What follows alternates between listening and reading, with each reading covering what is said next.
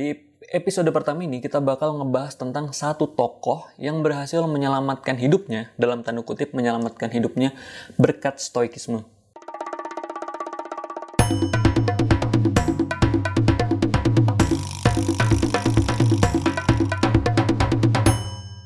Kembali di VIP bersama Feriza Ibrahim. Gimana kabar teman-teman hari ini? Gimana hari kalian? Semoga seru dan belajar banyak hal baru, termasuk setelah dengerin podcast ini. Oke, seperti teman-teman sudah lihat di judul, podcast kali ini tentang serial strategi stoikisme. Serial ini sengaja saya buat sebagai follow up atau kelanjutan dari podcast sebelumnya bareng Nabil yang juga membahas tentang stoikisme. Kenapa saya lanjutin uh, topik ini? Ada beberapa alasan. Alasan pertama, karena saya ngerasa stoikisme ini tuh sangat bermanfaat di kehidupan sekarang, di masa-masa sekarang Maksudnya gimana? Uh, kita sama-sama merasakan, kita sama-sama melihat bahwa beberapa waktu ini sering sekali muncul kabar-kabar yang uh, meresahkan, yang memicu kemarahan, banyak berita bohong, banyak informasi yang tidak bisa dibuktikan kebenarannya, dan itu menimbulkan ketidaknyamanan lah buat kita, ya baik itu di sosial media, baik itu di TV atau mungkin di lingkungan kita sekitar sehari-hari uh, muncul perasaan tidak nyaman, tidak tenang, terganggu gitu. Dan kita dan saya ngerasa butuh filter untuk membentengi itu, butuh uh, alat yang untuk membuat kita menjaga kita agar kita bisa tetap uh, tenang, santai, tidak mudah terganggu dan alat itu adalah stoikisme. Saya sebutnya alat ya sebagai sebuah filter. Dan alasan kedua adalah Um, saya merasa stoikisme ini banyak sekali hal-hal yang bisa dipelajari dan diterapkan kehidupan sehari-hari. Sehingga nggak akan mungkin nih kalau misalnya menjelaskan stoikisme hanya lewat satu episode doang. Jadi rencananya serial stoikisme, serial strategi stoikisme ini akan ada beberapa episode dengan durasi sekitar 5 sampai 10 menitan lah. Dan alasan terakhir adalah ini alasan personal, jadi saya tidak merasa tidak bisa selalu mengundang bintang tamu karena satu dan lain hal. Sementara saya butuh untuk produktif, butuh untuk aktif bikin podcast sehingga memutuskan untuk bikin podcast ini sendirian dengan topik yang setidaknya saya sudah paham lah dasar-dasarnya walaupun belum jago yaitu stoikisme. Dan perlu diingat kalau di sini saya bukan berbicara sebagai orang yang sudah ahli ya tapi orang yang ingin berbagi tentang ilmu yang sedang saya pelajari sekaligus bentuk refleksi diri.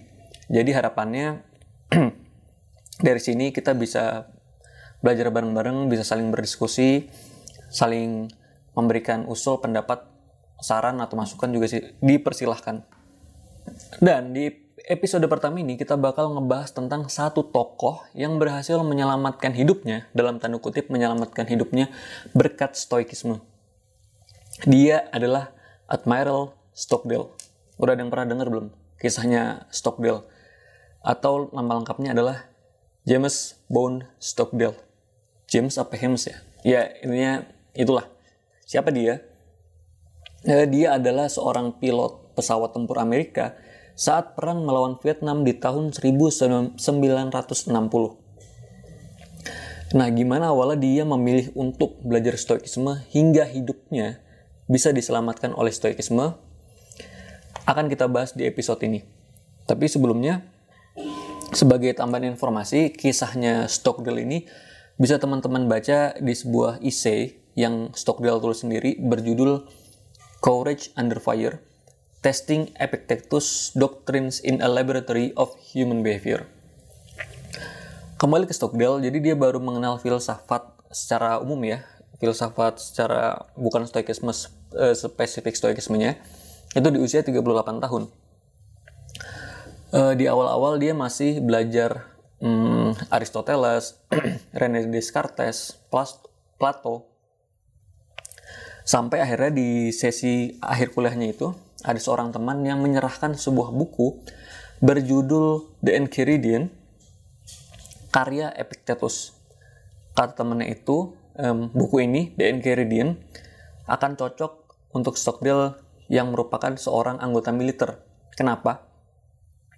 Karena dulu uh, Frederick the Great, seorang raja besar di Jerman, nggak pernah lupa membawa buku ini ke mana pun dia pergi. Jadi buku ini pasti cocok banget untuk seorang prajurit seperti Stockdale. Sebelumnya saya akan menjelaskan sedikit tentang apa itu buku The Enchiridion dan siapa itu Epictetus. Hmm, jadi The Enchiridion ini bisa dibilang adalah buku pedoman atau buku pegangan bagi para pelajar atau siswa-siswa Stoicism di masa itu yang bersumber langsung dari Epictetus.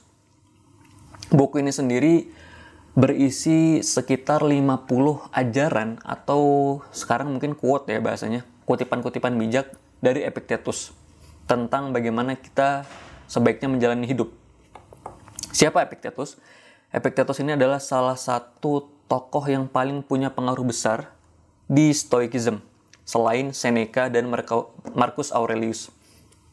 Nah, Salah satu ajaran penting dari buku ini yang saya suka banget dan sempat saya update di Instagram adalah jangan meminta sesuatu itu terjadi sesuai dengan apa yang kita mau, tapi minta sesuatu itu terjadi sebagaimana mestinya terjadi, supaya kita tetap merasa baik-baik aja.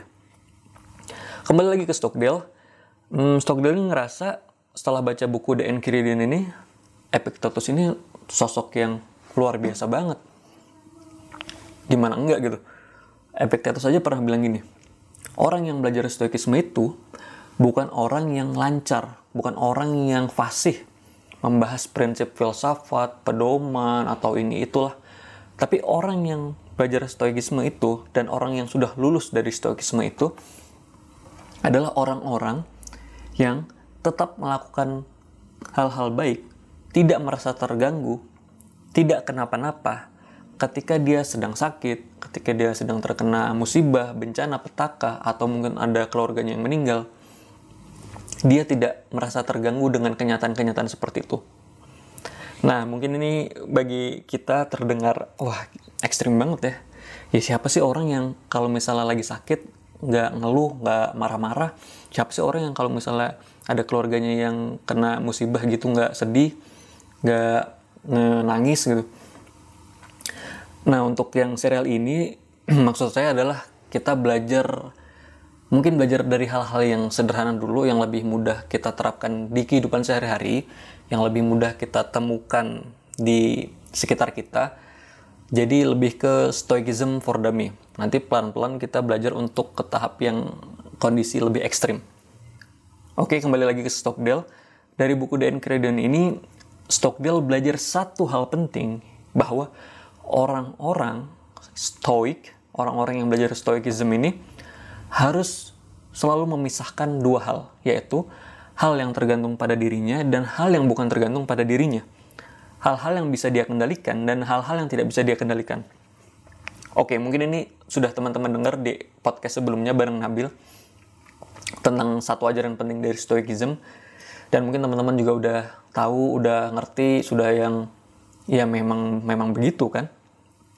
Tapi kalau disadar lagi, um, ini tuh tidak semudah prakteknya. Ini tuh tidak semudah ngomongnya maksudnya. Ini tuh tidak semudah uh, kita tahu itu, tapi ya belum tentu semudah itu untuk menjalankannya. Uh, contohnya gini deh misalnya, gampangnya. Kita punya handphone, kita punya kamera, kita punya laptop. Kalau misalnya barang-barang itu hilang, kira-kira kita bakal uh, emosi nggak? Kira-kira kita bakal terganggu nggak? Kira-kira kita bakal marah-marah nggak? Atau sedih nggak? Nah, kalau kita benar-benar mengaplikasikan ini, apa yang bisa kita kendalikan dan tidak bisa kita kendalikan, seharusnya kita nggak merasa terganggu dengan itu. Seharusnya kita tidak masalah. Kenapa? Ya karena memang itu nggak bisa kita kendalikan. Kita tidak bisa harus nggak bisa selalu menjaga barang itu 24 jam kali 7 hari Enggak kan? Nah, apakah kita sudah bisa seperti itu? Itu yang menjadi um, pertanyaan buat kita, refleksi diri buat kita.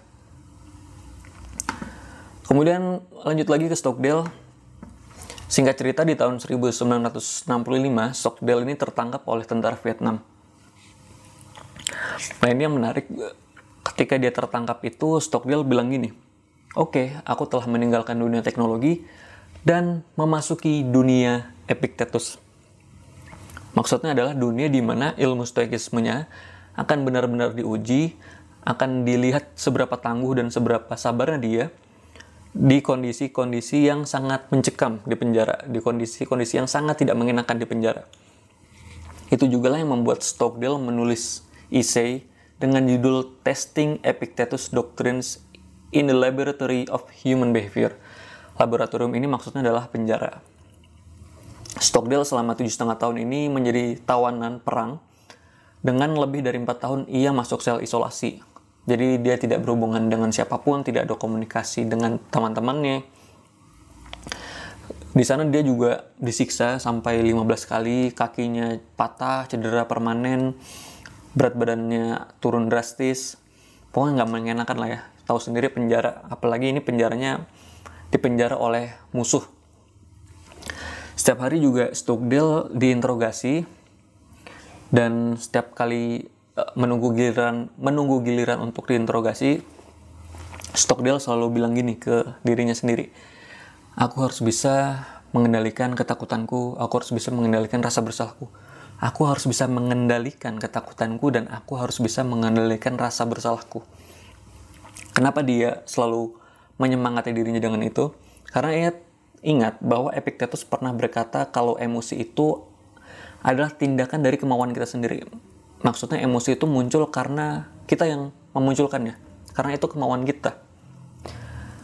E, contoh misalnya, ketakutan itu bukan sesuatu yang tiba-tiba muncul kayak lagi malam-malam gelap nggak ada siapa-siapa tiba-tiba rasa muncul tuh datang terus mengantuk kita kan nggak seperti itu sebenarnya tapi yang sebenarnya terjadi adalah kita yang punya kemampuan dan tanggung jawab untuk memunculkan rasa itu menghentikannya dan juga mengendalikannya.